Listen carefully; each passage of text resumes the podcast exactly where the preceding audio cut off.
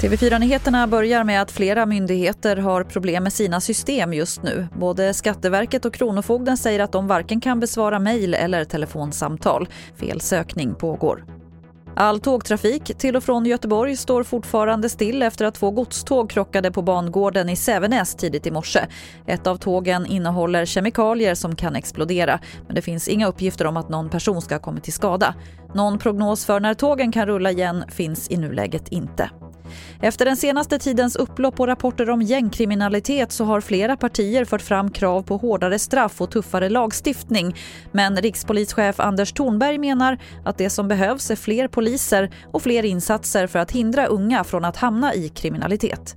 Om hela samhället jobbar tillsammans, står bakom polisen, ser till att de unga kriminella som är på väg in att de får möta konsekvenser så får vi en, ett stopp på tillväxten och tillsammans då kan vi skapa en bättre, ett bättre samhälle. Har ni tappat kontrollen? Absolut inte, utan vi är väldigt offensiva. Vi gör vårt jobb, men det jag säger det är att vi måste strypa eh, tillväxten. Det var det senaste från TV4 Nyheterna. Jag heter Lotta Wall.